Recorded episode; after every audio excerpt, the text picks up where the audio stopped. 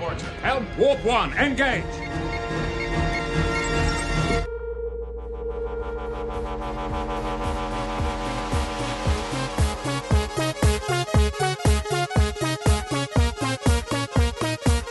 Du hører på Teknova. Radio Novas teknologimagasin.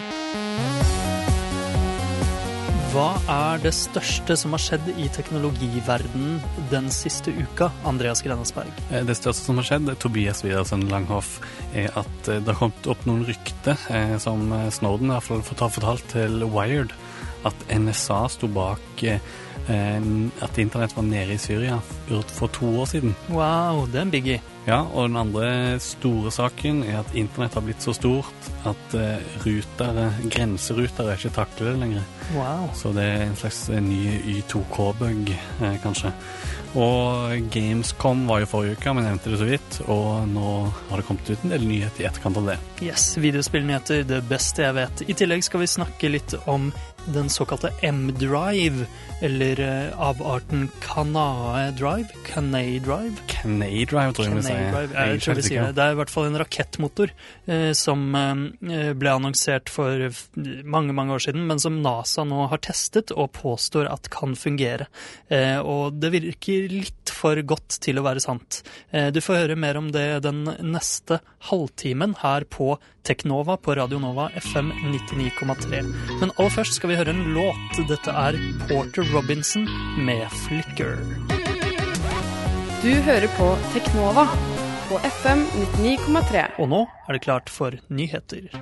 Ukas største, beste og viktigste teknologinyheter. Ja, som jeg nevnte rett eh, før eh, låten, eh, er en av de største nyhetene denne uka at eh, det har kommet fram ny informasjon om eh, nettkuttingen som eh, var i, i Syria i 2012. Eh, den gang så snakket vi vel om det på Teknova. Ja, det var vel under den borgerkrigen. Ja, og eh, opprørerne og regjeringen skyldte vel på hverandre. Men eh, nå viser det seg iallfall ifølge Edward Snowden i et nytt, langt intervju i Wired at det var USA og NSA som sto bak dette. Eh, De prøvde å En hackeunit, eh, altså hackeenhet i NSA, eh, prøvde å installere noe eh, skadevare på en sentral ruter inne i Syria, som hadde gitt til, tilgang til mye spennende informasjon, selvfølgelig, som NSA elsker. Ja, internettrafikken i Syria, blant Mm. annet. Eh, Men så skjedde det et eller annet galt, og når de prøvde å gå tilbake for å fjerne alle sporene, så kutta de med et uhell ned eh, hele internettet i eh, Syria. Det er ganske sykt. Eh, ja, det er temmelig spesielt. Det, er kun Edward Snowden som er kilden til dette her, da. Men eh, han har jo eh, vist seg å ha korrekt informasjon tidligere. Mm. Eh, ganske kult også at eh, NSA, som da står for National Security Agency, har sin e- egen elite-hackeenhet. Mm. Det er litt kult. Jeg skulle likt å være på den, selv om eh, jeg selvfølgelig ikke støtter noe av det NSA står for. Ja, det er kult å være en lite hacker. Mm. Eh, ja, eh, interessant ny informasjon. Eh, vi får vente og se om eh, det kommer ut eh, noen dokumenter som støtter det. Wikileaks eh, sikler sikkert, hvis Ja. ikke de allerede sitter på dokumentene. Eh, og dette er jo en del av infrastrukturen til eh, internettet. Eh, og det, det er ikke bare hacking som kan skade den, det er òg det at rett og slett internettet blir for stort. Eh, nå viser det seg at en del rutere som på, står på grensen av land, da, som ruter all trafikken gjennom landet, eh, Mm, Såkalte grenserutere. mm, de, Border routers. ja, de kan rett og slett eh, Det kan hende at de er for gamle nå og, og for utdaterte, som gjør at de ikke takler de eh, utrolig mange. Nå nærmer det seg 512 000 rutinger, stemmer det? Mm, ja, Og det er, er nok til å eh, altså overflowe eh, minnet Mm. til disse gamle ruterne.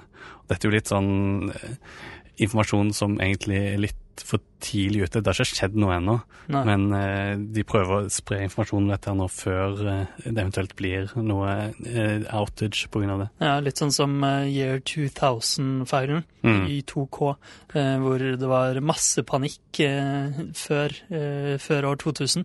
Så viste det seg at det ikke skjedde så veldig mye, men det var jo mange som hadde gjort mye for å stoppe det. Det var jo takket være at ord, ordet kom ut til alle om at det her kan det skje noe, så da eh, stoppet de det. Hmm. Eh, noe vi ser veldig fram til her i Teknova, det er jo at Antec eh, blir mer og mer populært. Ja, og særlig ordet antech. Ja, spesielt ordet. Eh, det er jo vårt teknologi du kan bære med deg på Ja. som klokke eller brille. ja. Wearables, som de kaller det i, i US of A og mm. det engelsktalende verden. Ja, wearable technologies. Ja, og en av de store teknologiene der som det ser ut til at eh, mange flere store eh, teknologiselskaper eh, tar fatt i, det er jo smartklokker. Mm. Og i forkant av IFA, teknologimessen, som skal IFA, være er ikke det drops? En halspastill? Det er det òg, det er det òg. Eh, som skal foregå i september i Berlin. Så skal Motorola holde en pressekonferanse 4. september, og da skal de avsløre eh, lanseringsdato og, og hvor den ble lansert, og prisen på Hmm. Motor 360, Yes. som må- er den utrolig lekre smartklokken til eh, Motorola. Ja, som har rund skjerm til meg. Mm, og Det er ser veldig kul ut. å kjøre Android Wear. Og, men eh, det var en lekkasje i forrige uke eh, om det ser ut til at Best Buy i hvert fall skal ha en prisene til 250 dollar, Mm. som er rundt 1500 kroner. Ja, det er vel samme som Pebble Steel eh, koster. Den eh, deluxe-versjonen av Pebble. Det kan stemme. Mm. Mm. Og ja eh, og- Det er jo rundt 1500 kroner eh, direkte oversatt, men det kommer vel til å koste litt mer. ja, i Pleier Norge vel å ganges nesten med ti, Ja, noe sånt. så- Eh, så eh, 2000, vet ikke jeg, i Mm. Norge. Sikkert litt mer. Mm. Um, Samsung Galaxy Gear og LG G-Watch, som er de firkante Android Wear-klokkene her Mm. i Norge, koster um, mellom 1400 og 1700 kroner nå i norske nettbutikker. Ja, eh, skal du ha Moto 360? Det frister litt, men jeg skal vente litt og se hva folk syns om om det er bra batteri, og om det er verdt prisen. Og, Ja, prisen er jo ganske høy. Eh, ja, hvis, jeg trodde det skulle være høyere, for helt ærlig. ja, kanskje jeg også.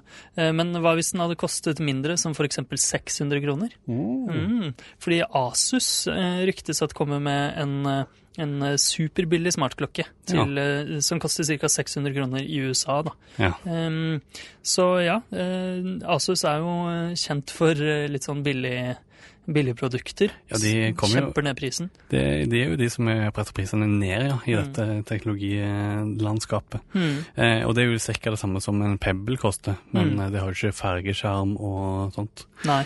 eh, Eh, men riktignok så har de sykt bra batteritid, som jeg tviler på eh, disse Android Wear-klokkene kan eh, ha. Ja, eh, det er litt som forskjellen på Kindle og eh, et nettbrett. Mm, det er jo det. Mm, Samme type skjermer. Um, du nevnte jo eh, Gamescom, Andreas. Hva er det? Gamescom er en sånn stor spillkonferanse, showpiece-plass Mm. for hele spillindustrien i Europa, i Köln. Mm. som er vel hvert år, tror jeg, på sensommeren. Mm. Og det som Jeg har ikke lagt merke til tidligere, det har vært så store pressekonferanser, men i år så var det ganske store pressekonferanser for både Sony og Microsoft. eh, og det kom jo noen nyheter ut derfra. Eh, stort sett spill, enkeltspill. Jeg tror ikke vi skal gå så nærme inn på de. Det er jo spennende at det kommer nye spill, og at de satser på spill til spillkonsollene sine. Mm. Eh, men eh, Xbox One kan komme i tillegg med eh, en nyhet at de skal kunne streame TV fra eh, Xbox One til tablets som kjører Smart Mm. Glass-programvaren. Det er en app som de har eh, sluppet til de fleste plattformer, Mm. inkludert iPad, eh, som jo er laget av eh, deres eh, store konkurrent. Eh, Ja, det blir jo gøy. Eh, Streame TV, hva vil det si? At eh, du, altså TV-signalene som går inn i Mm, Xboxen, mm. kan streames eh, inne på det lokale nettverket. Mm, Litt sånn som WiiU Wii U fungerer? Uh, ja Jeg tror bare du kan skifte kanaler med Wii U, jeg er ikke helt sikker. Eh, Ja ja, men eh, det kommer også DLNA. Ja, Eh, ja. Som er strøm, sånn en streamstandard står for Digital Living Network Alliance. Mm. Eh, som er en standard for å strømme innhold fra eh, egentlig diverse ting til eh, diverse andre bokser i huset. Mm. Og, men det som er litt eh, kult med Xbox One sin støtte nå, som på en måte virker som en del av et ledd for å prøve å tiltrekke seg nye, nye markeder og nye kunder, er at de tilbyr eh, strømming av eh, en del format som ikke er så veldig vanlig, f.eks. MKV, som er et veldig populært eh, torrent-format Mm. for de som laster ned ulovlig. Ja, De forrige konsollene, i hvert fall PlayStation 3, støttet vel DLNA, men PlayStation 4 gjør det ikke. Nei. Men det ryktes også at støtt støtte for det kommer til neste år, sannsynligvis. Mm. Em, Og både Sony og Microsoft har masse, masse spill, som jeg nevnte, men Sony kunne i tillegg skryte med ekstremt bra salgstall. Eh, Ti millioner eh, systemer eh, har blitt solgt eh, over hele verden eh, hittil i år. Mm, det, det er ganske mye, og eh, mer enn Xbox One etter alle solemerker. Ja, og de nevnte ikke sakstall, for å si det sånn. Nei. Em, ja, eh, virtuell virkelighet. Det er jo en føljetong her på Teknova. Har det skjedd noe kult der? Eh, ja. eh, The Verge, vår søsterside The Verge, eh, fikk tak i en sånn prototyp av et sånn eh, oppsett der du kunne ha noen linser og et headset som du kunne sette sammen med en Galaxy Note 3, mm. som til sammen da lagde et VR-headset. Og det har vært rykte tidligere om at Samsung driver og samarbeider med Oculus, så det kan hende at dette er det som eh, er resultatet av det arbeidet. Hmm. Eh, og i sommer så kom det òg fram at de Oculus, Oculus Rift-prototypene faktisk bruker skjermer fra Samsung, altså ren hyllevare. da, altså Det er til og med, til og med med eh, Galaxy sin logo på skjermene, hvis du river vekk litt av den eh, teipen som er foran. Yes. Ikke at det er en stor nyhet at uh, Samsung gir skjermer der, til dem, fordi Samsung lager jo skjermer til ekstremt mange produkter i verden. Mm, ja, ja. Men, uh, men det er litt interessant at det er hyllevare. Kult. Uh, På mobiltelefonsiden så kan vi jo også kjapt nevne at det kommer en ny telefon fra Samsung. Galaxy Alpha. ja. Eh, Er det noe interessant eh, ved den? Hvorfor nevner vi det? Samsung kaller med telefonen hele veien. Det som er spesielt, er at den er i metall. Åh, endelig! Og det er jo sånn eh, Enkelte teknologijournalister virker som det er den hellige gralen for eh, mobiltelefoner. At det er Mm. plastikk er grusomt stygt, men alt som er metall er veldig fint. Jeg er ikke helt enig, for den ser jo helt lik ut som før, egentlig, bare at nå er det eh, metallfinish. Det kjennes kanskje litt annerledes, så. Ja, den blir jo mye tyngre. Eh, De plastikktelefonene til Samsung er jo veldig, veldig lette. Mm. Ja, eh, en interessant teknologiuke der. Takk eh, for eh, presentasjonen av nyheter, Andreas Grenas Berg. Eh, Nå skal vi straks prate litt om rakettmotorer. Ja. Men først skal vi høre en låt. Dette er Death Crush med Lesson Number One for Snoop. Du hører på Teknova på FM 99,3. Der hørte vi Death Crush med Lesson Number One for Snoop fra Radio Novas A-liste. Og du hører på Teknova, Radionovas Radio Novas teknologimagasin, og en av de største nyhetene de siste ukene er jo at NASA har eh, testet, bygd og testet en, eh, en ny rakettmotor som bryter alle fysikkens lover og kan sende oss til Mars i løpet av uker istedenfor måneder. Dette er ekte teknologi, ikke sånn bullshit som jeg er- pleier å snakke om. Ikke noen mobiltelefoner. Dette er syk teknologi. Ja, det er det. Kanskje litt for syk. Eh, stemmer det, eller stemmer det ikke? Ja, det er jo mange som er skeptiske til at det faktisk fungerer. De viser til tidligere sånne Jeg tror det var noe som heter hyperdrive, som viste seg å bare være en eh, feilmåling. Mm. Eh, men fortell litt mer om bakgrunnen til denne Canna-drive som de testa i sommer. Mm. Canna Drive, eller Canae Drive, eller Canay Drive, vet ikke hvordan det uttales, Canna-drive, så. Ja. er basert på en, en idé, en teknologi, som en britisk eh, rakettforsker eh, som heter Roger, Roger Shawyer Liker at det Eh. er faktisk finnes rakettforskere. Ja, det gjør det. Eh, han, eh, han lager prototyper av rakettmotorer i et firma som heter Satellite Propulsion Research. Mm. Eh, et eh, privat firma, altså. Eh, som han opprettet eh, for å lage rakettprototyper i 2000. Og han eh, lanserte en radikal idé. Eh, en eh, Drive, en rakettmotor, som han kalte EM-Drive. Ja. M-Drive står for Electromagnetic Drive. Hvorfor er det så spesielt å bruke elektromagnetisk eh, driv for å lage push? Push, thrust. Thrust, Eh, ja. jo, eh, det som er spesielt med det, er at det ikke trenger eh, eh, Altså, det trenger ikke bensin. ja. Eh, det vil si, den trenger jo selvfølgelig noe. Den må lage mikrobølger.